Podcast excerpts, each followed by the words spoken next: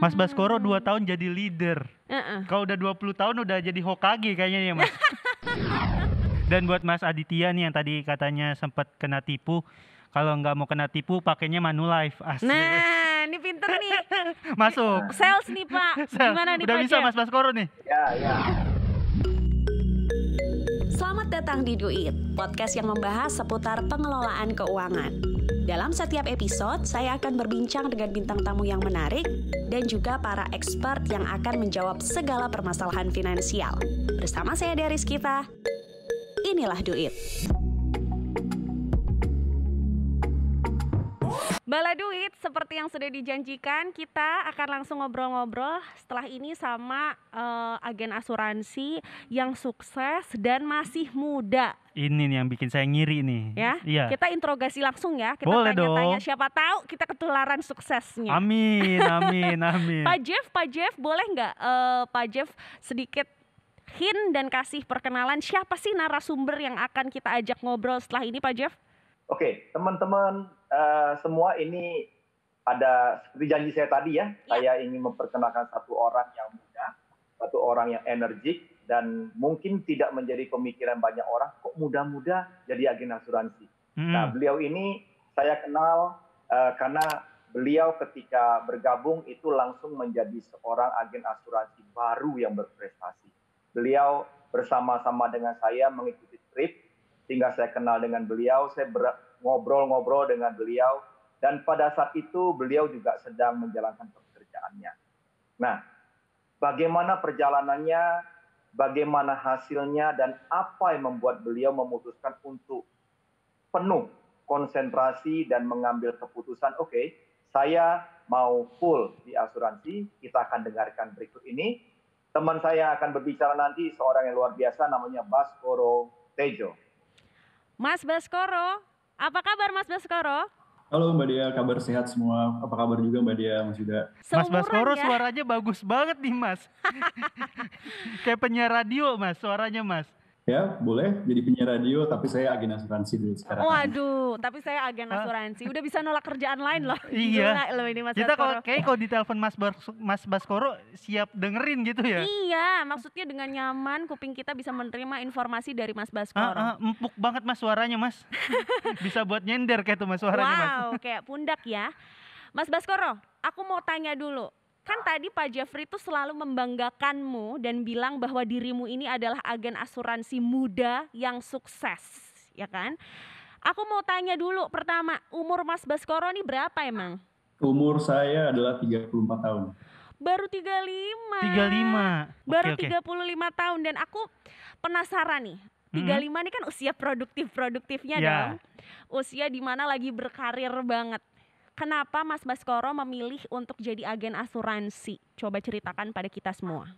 Oke, ya. Jadi eh, memilih jadi agen asuransi yang pertama adalah karena seperti yang tadi disebutkan oleh Pak Jeffrey, eh, agen asuransi adalah satu dari 10 pendapatan terbesar ya eh, sebagai tenaga pemasar. Kemudian rewardnya yang kedua selain dari reward secara keuangan adalah reward jalan-jalan. Siapa di sini yang nggak mau jalan-jalan gratis dan terutama jalan-jalan luar negeri lagi kan? Em, itu juga menarik. Terus yang ketiga adalah panggilan panggilan jiwa karena memang em, pengen membantu orang-orang di sekitar saya awalnya dan kemudian sekarang makin lebar eh, lingkungan yang lebih luas untuk memastikan mereka punya proteksi yang sesuai dengan kebutuhan mereka pribadi dan terutama untuk keluarga-keluarga mereka tercinta di rumah. Gitu. Mulia banget. Eh, tapi Mas Baskoro ini eh, waktu sekolah dulu memang backgroundnya mengambil eh, apa Komunikasi. komunikasi sehingga ngomongnya jadi enak atau Ah. mungkin uh, ada background ekonominya yang gimana-gimana tentang duit-duitan atau gimana sih Mas? Soalnya aku penasaran karena apa kita tuh harus punya background pendidikan tertentu ya kalau mau jadi agen asuransi. Jadi background pendidikan saya sebenarnya teknik, anak Waduh. mesin malah. Jadi nggak ada hubungan sama sekali tuh sama asuransi atau Teknik komunikasi atau finance. Teknik Iya. mesin. Tapi memang karena ada ada passion di dunia keuangan, perencanaan keuangan keluarga, terutama ya financial planning yang belakangan ini memang um, mulai ramai di dunia anak muda gitu kan Iya. untuk perencanaan keuangan. Jadi saya mulai mempelajari, baca-baca literatur, uh, follow beberapa financial planner juga, sehingga akhirnya memutuskan untuk oh kayaknya perlu nih kita masuk ke dunia perencanaan keuangan karena pada akhirnya mau background pendidikan apa pun teknik ataupun yang non teknik atau ekonomi dan lain sebagainya pada akhirnya kita pasti akan berhubungan dengan yang namanya perencanaan keuangan. Nah, Jadi background tidak ada hubungan tapi yang penting semangat dan passion untuk belajar. Tuh, Oke. bala Semangat dan duit. passion. bala duit jurusan atau background pendidikan kamu itu nggak ada hubungan. Yang Mm-mm. penting semangat dan passion. Benar. Ya kan? Teknik mesin loh, Yud. Teknik mesin biasanya orang-orang tawuran, Mbak. Kalau teknik Eh mesin enggak tuh dong. Kalau teknik mesin tuh biasanya kan eh apa ya? Orang-orang teknik tuh kan kayak kerjanya pasti di tempat-tempat Oh yang iya. eh, Dia biasanya menyendiri, ngerjain sesuatu sendiri. dengan alat, nggak Ha-ha. komunikasi sama orang. Hebat loh. Ini malah jadi agen asuransi dan sukses gitu. Heeh. Mas, saya mau nanya boleh nggak, Mbak? Boleh, boleh, boleh. Mas Baskoro kan nih, eh, Pak Jeffrey juga udah bilang tadi Mas Baskoro nih agen asuransi muda yang sukses. Nah, mulainya tuh dari kapan, Mas? Sekarang kan umurnya tadi 35. Apa tiba-tiba ujuk-ujuk langsung jadi agen asuransi atau mungkin Ah, ah. sempat berkarir dulu? Ya, jadi sebelumnya saya memang berkarir di industri yang masih ada hubungan sama teknik mesin gitu ya, Hmm. industri perminyakan. Terus kemudian eh, di tahun 2019 saya ada kesempatan eh, kenal dengan salah satu em, top agent juga di Manulife yang akhirnya sekarang jadi leader dan mentor saya. Eh, dari situ saya eh, mendapatkan kesempatan untuk bisa belajar dan join Manulife. Jadi mulai Maret 2019 eh, dimulai dari ada training selama dua hari weekend karena waktu itu masih bekerja juga. Jadi memang eh, nyempetin ketika weekend training dari pagi sampai sore dua hari belajar apa itu em, ilmu-ilmu perencanaan keuangan, product knowledge dari Manulife, dan juga em, terkait tentang ilmu marketing dan sales ya, eh, bagaimana menghadapi orang, eh, membuka conversation di awal dan lain sebagainya. Jadi itu awalnya eh, akhirnya saya bisa bergabung eh, dengan Manulife sampai sekarang. Oh, baru dua tahun ya? Tapi Pak Jeff udah bilang sukses, Iya. berarti kan tahu ya cuannya berapa. iya. Dua tahun udah dianggap sukses. Mantep banget pasti nih. Mas, tadi kan Mas Baskoro juga sempat ngomong eh, training cara menghadapi orang. Nah, kan yang kita tahu nih, Mas. Kalau kita jadi agen asuransi atau ada temen yang jadi agen asuransi itu kan biasanya dijauhin sama temennya tuh ya, Mas. Diajak nongkrong nggak mau. Nah, Mas Baskoro tuh ngadepin kayak yang kayak gitu gimana, Mas? Ah, Oke, jadi em, dalam industri ini yang namanya penundaan pasti ada ya. Ya. Eh, mereka mungkin di awal, eh, terutama misalnya teman-teman yang sudah lama tidak dihubungi, terus tiba-tiba diajak ketemu dan lain sebagainya. Itu memang part of the learning process eh, untuk kita sebagai seorang eh, agen asuransi. Tapi em, selama di mindset kita kita niatkan adalah untuk berbuat baik, membantu mereka dan mengedukasi mereka tentang pentingnya perencanaan keuangan, terutama untuk mereka dan keluarga. Eh, yang namanya penolakan itu menurut saya adalah penundaan karena suatu hari ketika mereka melihat kita eh, serius dan konsisten menjalankan bisnis ini, suatu hari mereka akan kembali ke kita dan mereka pasti akan ada kebutuhan untuk proteksinya. Jadi itu yang saya rasakan eh, secara pengalaman pribadi ya. Jadi ada beberapa memang teman-teman yang ketika di awal diajak ketemu ngobrol dan lain sebagainya mereka bilang sudah punya, mereka bilang nggak butuh dan lain sebagainya. Oke nggak apa-apa, no hard feeling, nggak baper-baper gitu kan. No Nah, kemudian baper-baper. No setelah baper. berapa bulan, nggak baper-baper ya. Kemudian setelah berapa bulan mungkin mereka juga menilai kita dari sosial media, dari aktivitas kita menjalani bisnis ini. Akhirnya mereka yang hubungi eh, saya sendiri dan bertanya dan akhirnya me- meminta untuk proteksi yang mereka butuhkan. Gitu. Gitu, mindsetnya yang penting. Iya, dan Mas Baskoro juga bilangnya bukan penolakan tapi penundaan. Yes. Itu mindsetnya udah udah terbangun banget gitu nih. Eh, berarti kalau sekarang kita belum dapat eh, kerjaan atau rezeki itu sebenarnya bukan kita nggak dapat, tapi Bukan masih dapet. tertunda. Masih tertunda. Cuma kadang ditundanya kelamaan. Eh, eh, sampai kita lupa gitu Sampai ya. lupa. Bisa jadi kita bisa daftar aja jadi agen asuransi gitu ya biar kita jadi sukses di umur 35 tahun. Iya. Top Tapi- 10 loh, top 10 Top pendapatan 10. loh. Ta- eh, eh, benar. Pak Jeff, tapi tadi eh, Mas Baskoro sempat menyebutkan beberapa hal. Bukan hanya ketertarikan terhadap eh, pengelolaan keuangan, tapi Mas Baskoro juga tadi sempat bilang bahwa ada keinginan untuk membantu orang lain. Hmm.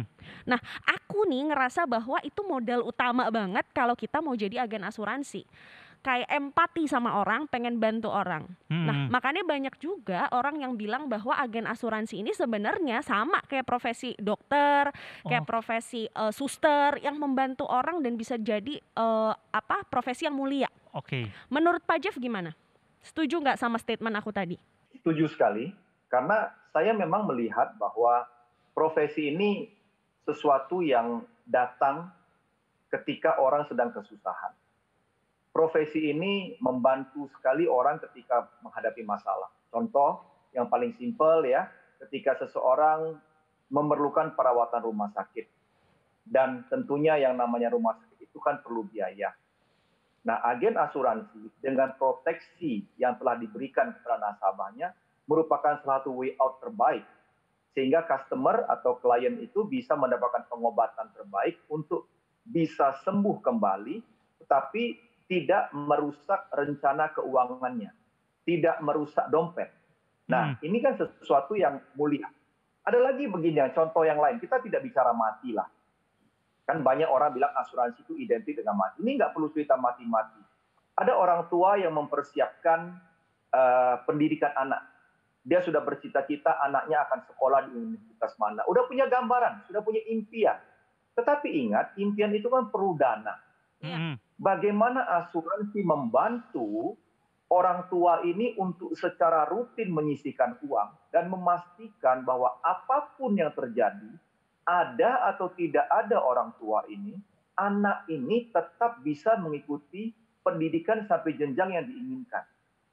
Nah, itu pekerja dari agen asuransi. Tentunya ini sesuatu yang sangat mulia, membantu orang lain. Tadi dikatakan dengan uh, tadi, jadi selain financial planner, itu salah satu uh, dasarnya juga untuk membantu orang. Tetapi ada perbuatan mulia yang kita bantukan kepada orang lain dan baru akan kelihatan nanti ketika ada terjadi sesuatu. Jadi kalau kalau kita cerita nih ya di dunia asuransi, agen asuransi itulah orang atau profesi yang dihindari orang ketika orang tidak punya masalah.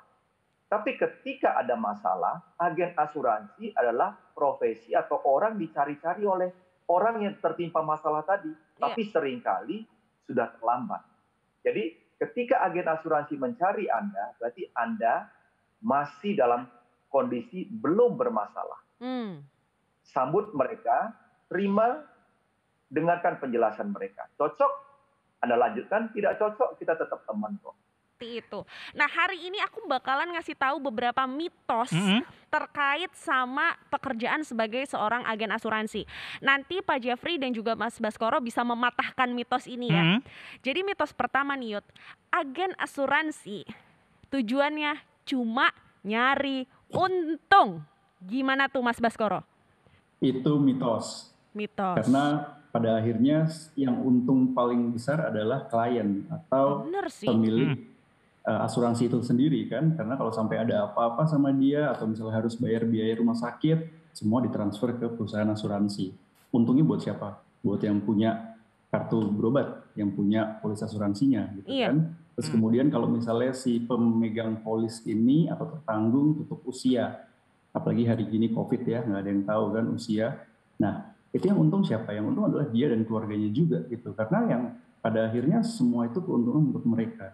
Jadi kami hanya membantu mereka supaya memastikan mereka punya semua proteksi dan em, apa namanya semua hal yang dibutuhkan oleh dia pribadi, mereka pribadi dan juga keluarganya ketika terjadi sesuatu terhadap mereka.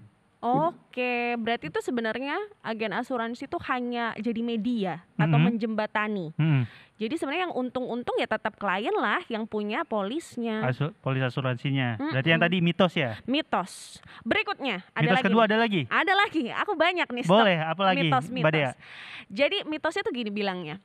Agen asuransi hanya akan membantu di awal Oh benar, dan itu lepas menghilang tangan. Heeh. saat akan ada klaim. Nah, gimana tuh Pak Jeff? Itu Menurut sering Pak Jeff? banget tuh yang kayak gitu tuh kayaknya tuh di mitos yang beredar. Ya. Nah, ini benar-benar juga mitos. Mengapa? Karena kontrak asuransi itu bukan kontrak satu hari. Kontrak asuransi itu puluhan tahun. Jadi, kalau dikatakan agen lepas tangan, agen ini terus mengurusi sampai kontrak ini berakhir. Hmm. Selama agen itu masih bekerja di perusahaan, maka keterikatan antara polis ini dengan customer dan dengan agen itu terus berjalan. Kan orang beli polis tidak langsung klaim, mungkin klaimnya lima tahun lagi, Iya, Hmm. enam tahun lagi. Kalau bisa malah klien juga berharap ya nggak tidak perlu klaim. klaim kan, karena asuransi bukan sesuatu yang dibeli untuk diklaim kan. Iya, Hmm. Tapi kalau ada terjadi klaim, maka yang ngurus siapa? Agen. Iya. Jadi ikatan antara agen dengan customer itu tidak seperti cerita orang hit and run ya, habis itu ngilang. Enggak, tapi ikatan jangka panjang. Bahkan ketika eh, ada klien masuk rumah sakit, eh, Dea, iya. yang lucunya yang ditelepon itu bukan keluarganya. yang ditelepon siapa? Agen, Pak. Agennya, Pak. Asuransinya. Nah, eh tengah malam nih, saya masuk rumah sakit ini. Apa kata agen? Tenang, rumah sakit mana? Biar saya bantu. Nah, kalau dibilang agennya lepas tangan, itu benar-benar mitos. Oke. Itu benar-benar mitos. Jadi Bukan bu- cuma mitos tuh, benar-benar mitos. Jadi kalau agen asuransi salah satu syaratnya itu adalah nggak suka ghosting. Oh iya, jangan nggak boleh ghosting tuh. Nggak boleh. Nggak boleh. Terakhir ada mitos yang bilang dan Mhm. aku pengen mitos ini juga dipatahkan langsung sama orangnya. Iya. Mitosnya gini Yud. Eh, agen asuransi Hmm. adalah pekerjaan untuk orang tua. Oke. Gimana tuh Mas Baskoro? Agen asuransi adalah pekerjaan untuk orang-orang yang sudah berusia. Menurut Mas Baskoro? Menurut saya itu mitos. Pertama buktinya sekarang banyak agen asuransi muda-muda. Berarti banyak yang muda karena perlu cekatan kan? Benar, perlu cekatan dan juga perlu Nggak. enggak Saya Nggak saya ghosting-ghosting. tambahkan Dea Boleh. Mas Yuda. Tadi kalau dikatakan agen asuransi itu tidak cocok untuk anak muda, karena kan kita melihat mungkin di dalam lingkungan kita banyak agen-agen asuransi itu yang berusia tua. ya Hmm. atau betul. berusia mapan. Tapi ingat, mereka itu sekarang mapan. Ketika mereka bergabung, mereka muda juga. Iya juga. Karena mereka menggelutin ini secara eh, kontinu dan dalam jangka waktu panjang, seperti saya katakan di kontraknya jangka panjang, mungkin mereka sudah kerja 20 tahun. Pada saat mereka masuk, mereka seperti Baskoro, umurnya 35. Sekarang jadi 35 tambah 20, 55. Kelihatan kok tua ya. Padahal mereka sudah melakoni ini sejak usia muda. Nah, ya Nah, iyalah kelihatan satu hal lagi, ya satu hal lagi adalah di, di Indonesia khususnya kan banyak sandwich generation. Hmm. Saya menyarankan justru banyak kita perlu orang-orang muda untuk menyadarkan anak-anak muda, generasi-generasi muda untuk mempersiapkan keuangan jangka panjang sehingga nantinya mereka menjadi pelopor pemutus daripada sandwich generation. Jadi Betul. nantinya anak-anak kita itu tidak menjadi generation yang terjepit terus antara kepentingan orang tua, kepentingan diri sendiri, dan kepentingan anak-anak. Siapa lagi yang mulai kalau bukan dari kita? Maka saya menghimbau banyak anak-anak muda untuk belajar, untuk menjadi financial planner, menjadi agen asuransi, untuk kita sama-sama memutus mata rantai ini karena makin ke depan itu kehidupan bukan makin mudah. Iya. Kehidupan akan makin susah. Bagaimana kita membebani diri kita dengan kehidupan orang tua kita, diri kita, dan juga anak-anak kita. Kita terjepit. Jadi ini harus kita patahkan. Ini benar-benar sekali lagi, ini juga mitos. Aduh, menarik banget Mbak Dia maksudnya ya memutus mata rantai eh, Sandwich generation. tuh nyata adanya gitu. Hmm. Banyak anak muda yang masih terbebani sama orang tuanya lagi sakit-sakitan dan nggak ada proteksi. Nah, kalau kita dari muda udah pakai asuransi itu kan mungkin pas tuanya kita nggak membebani anak kita kan gitu. Iya, dan aku setuju sama Pak Jeff yang bilang bahwa eh, mungkin sekarang kita ngelihat agen asuransi yang sudah pada sukses dan mapan di usia eh, dewasa Mhm. atau di usia yang bisa dibilang matang. Ya. Mungkin tadi 55 tahun, tapi ingat bala duit ini kontrak bukan kontrak sekali jadi terus Hmm. udah selesai dalam satu hari. Cuma mereka ternyata berkarir juga Iya, sebagai agen asuransi dan sampai akhirnya bisa menyentuh kata mapan. betul. Asik. 20 tahun berkarir mapan ya wajar lah. Ya ya. wajar Ah. gitu ya berproses. Berproses. Nah, bala duit netizen-netizen Mhm. nih udah ada yang tanya-tanya, mungkin pada penasaran juga kali ya, Oh, iya. bagaimana sih sebenarnya proses menjadi seorang agen asuransi. Jadi ada beberapa pertanyaan nih Mas Baskara dan juga Pak Jeff yang akan eh, aku bacakan dan nanti Pak Jeff dan Mas Baskoro bisa bantu untuk menjawab ya. Jadi pertanyaan dari netizen yang pertama adalah dari Wulandari Robianti. Mbak Dea, bagaimana sih proses perhitungan profit atau komisi dari agen asuransi? Nah, kan kalau bala duit bahas cuan-cuan, profit-profit, pasti langsung matanya berbinar. Kira-kira bisa nggak nih? Aku mulai dari Mas Baskoro dulu kali ya. Langsung aja gimana nih Mas? Kalau ada pertanyaan gitu, menjelaskannya gimana? Pembagian profit. Jadi kalau sebagai sebagai agen asuransi yang pasti Ya. akan ada komisi ya, komisi dari uh, produk-produk yang kita tawarkan ke klien uh, untuk solusi yang mereka ambil itu ada komisi. Kemudian di atas komisi juga kita ada bonus-bonus terhadap aktivitas kita, jadi bonus bulanan, bonus uh, kuartal dan, dan beberapa bonus lainnya. Um, selain itu juga setiap tahun kita ada ada reward yang namanya MDRT itu hanya 2% dari agen keseluruhan agen di dunia ini yang bisa mencapai level MDRT sehingga itu opportunity tidak hanya secara finansial tapi juga untuk pengembangan diri dari sisi komunikasi, kemudian ilmu marketing dan um, hal-hal lainnya terkait interpersonal skill. Jadi itu tiga hal. Kemudian yang terakhir adalah um, reward jalan-jalan karena pada akhirnya siapa di sini yang nggak suka jalan-jalan kan? Uh, walaupun sekarang dalam kondisi COVID sehingga jalan-jalannya ditunda, tapi itu adalah hal yang juga menjadi uh, reward sebagai agen asuransi yaitu jalan-jalan ke luar negeri gratis. Hmm, Mungkin Pak gratis. Jeffrey bisa menambahkan?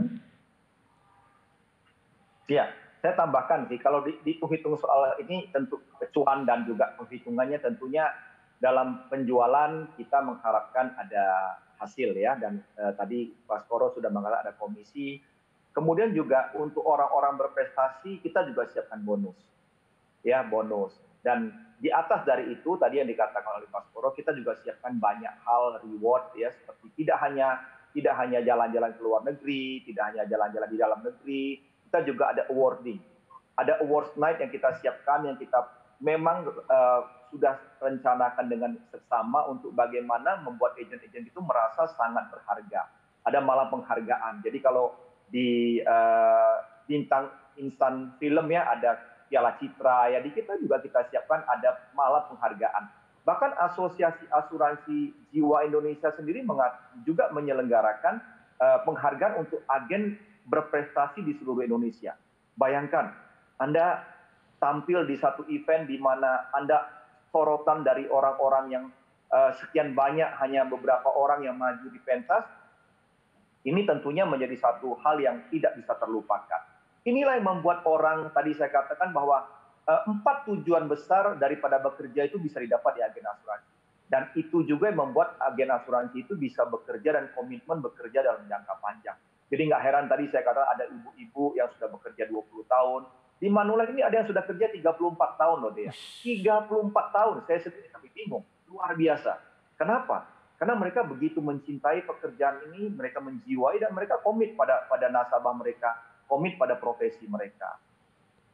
Oke. Mbak, kalau udah 34 tahun berarti bukan mapan tuh, Mbak, tapi benar-benar mapan. Benar-benar Benar mapan, mapan. ya kan? Dan kayaknya juga menjadi seorang agen asuransi, terutama diceritakan Pak Jeff tadi ya Hmm. di Manulife, ada jenjang karirnya juga ya Pak ya. Berarti makin rajin kita, Benar. makinlah kita untung gitu ya Pak ya.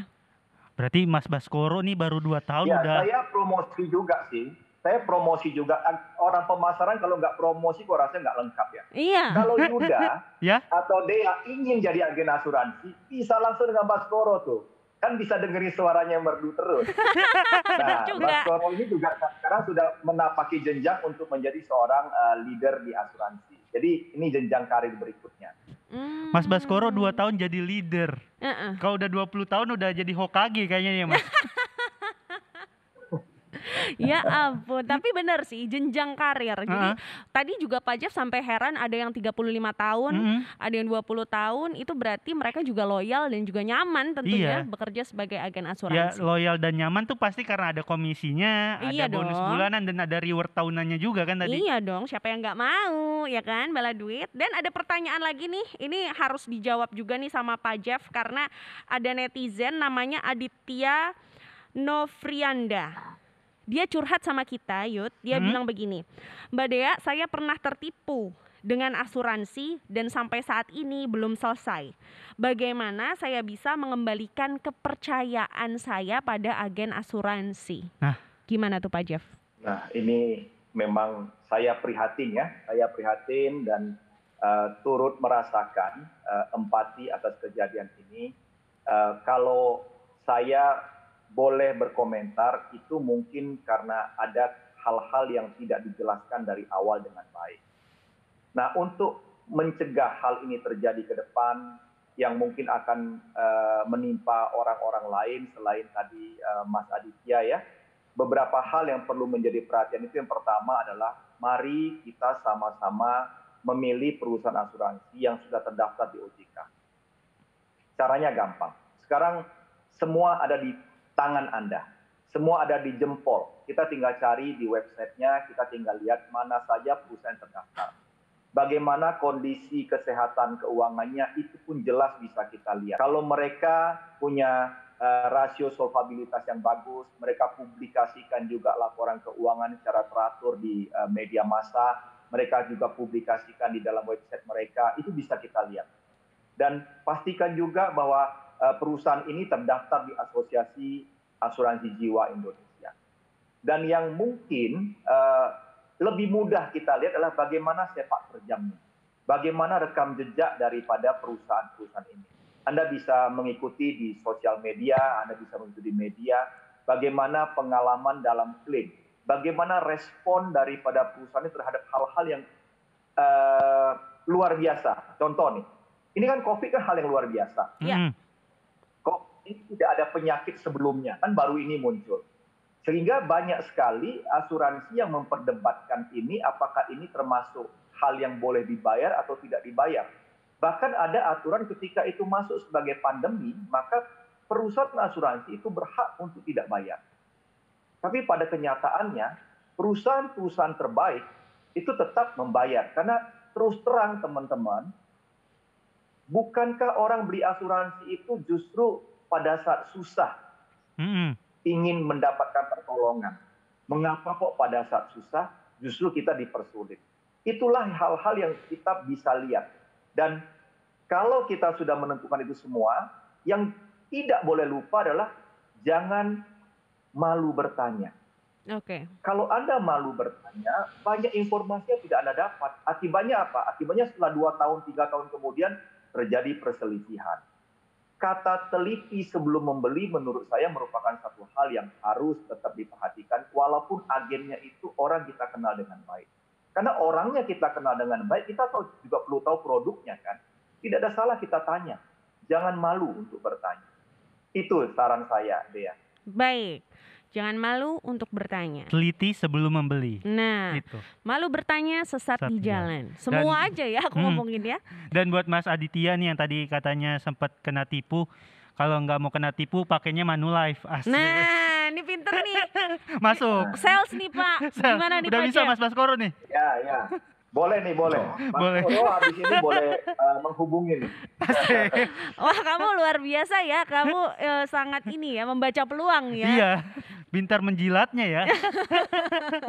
nah, Baladwit tadi kan udah langsung mendengarkan sendiri gimana sih uh, jadi agen asuransi itu. Hmm. Apa senangnya, apa plusnya gitu yeah. ya. Cuma nggak akan lengkap kalau misalnya Baladwit nggak tahu apa trik jitu atau modal yang harus kamu punya ketika kamu mau menjadi seorang agen asuransi. Kalau dari aku sendiri menyimak tadi ya merangkum hmm. pembicaraan kita bersama dengan narasumber yang pertama mau nggak mau sebenarnya kita harus memiliki kemampuan komunikasi yang baik. Benar.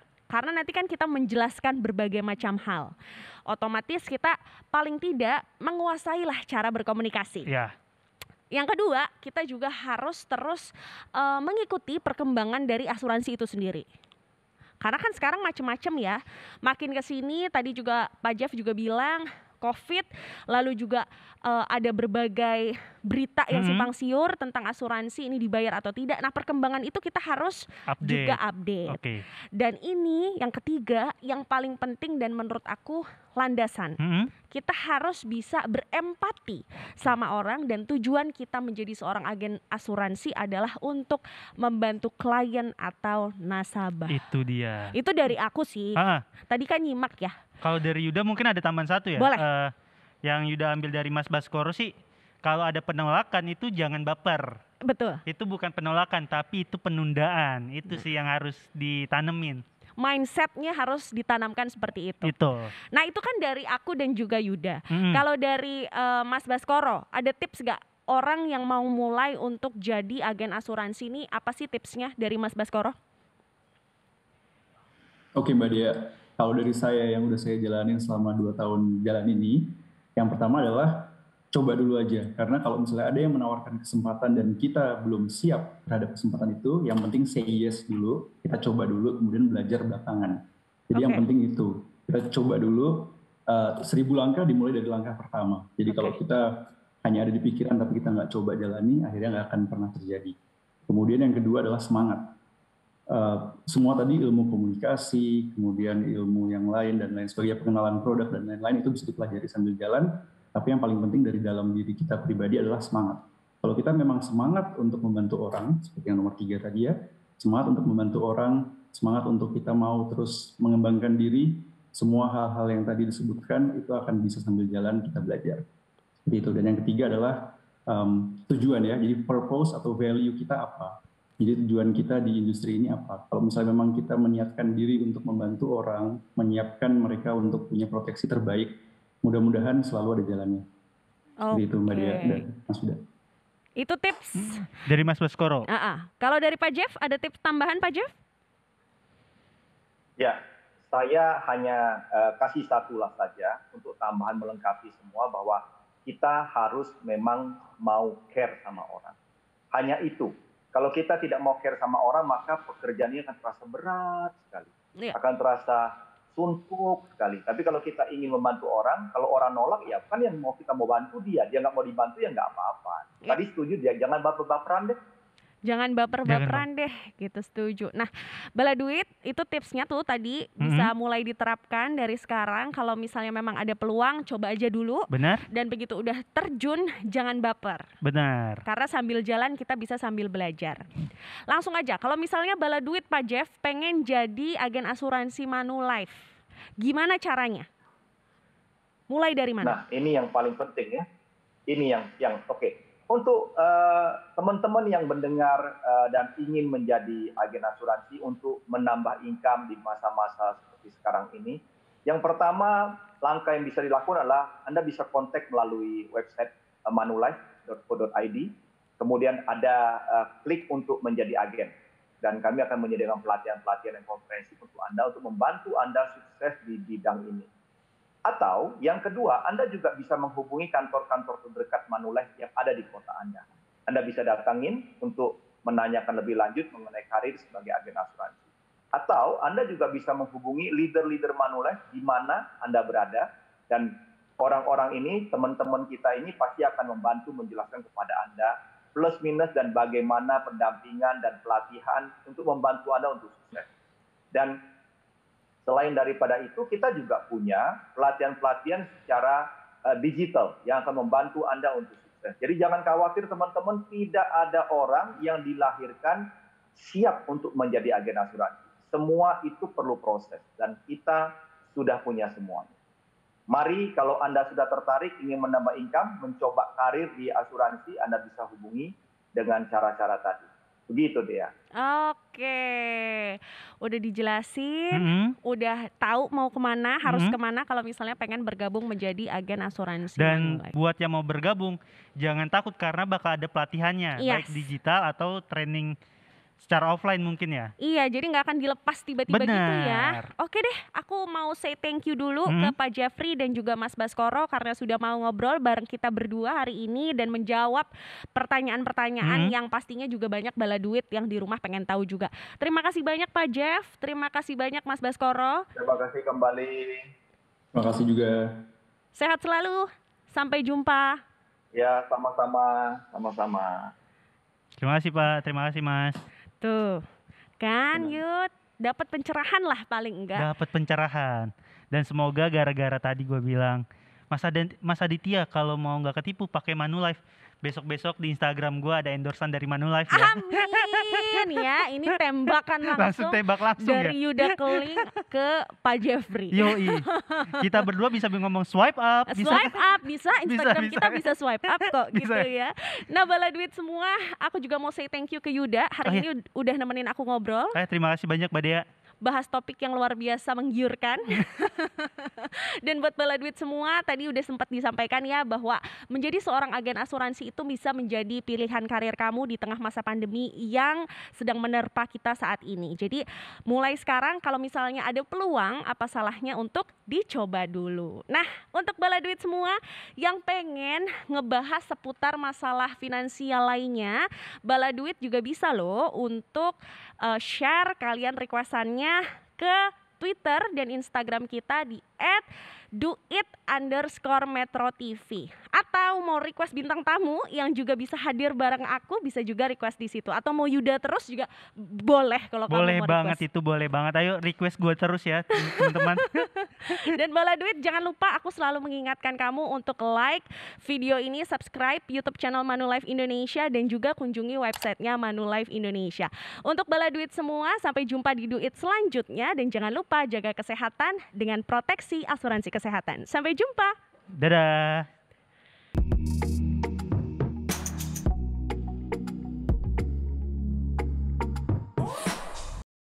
dipersembahkan oleh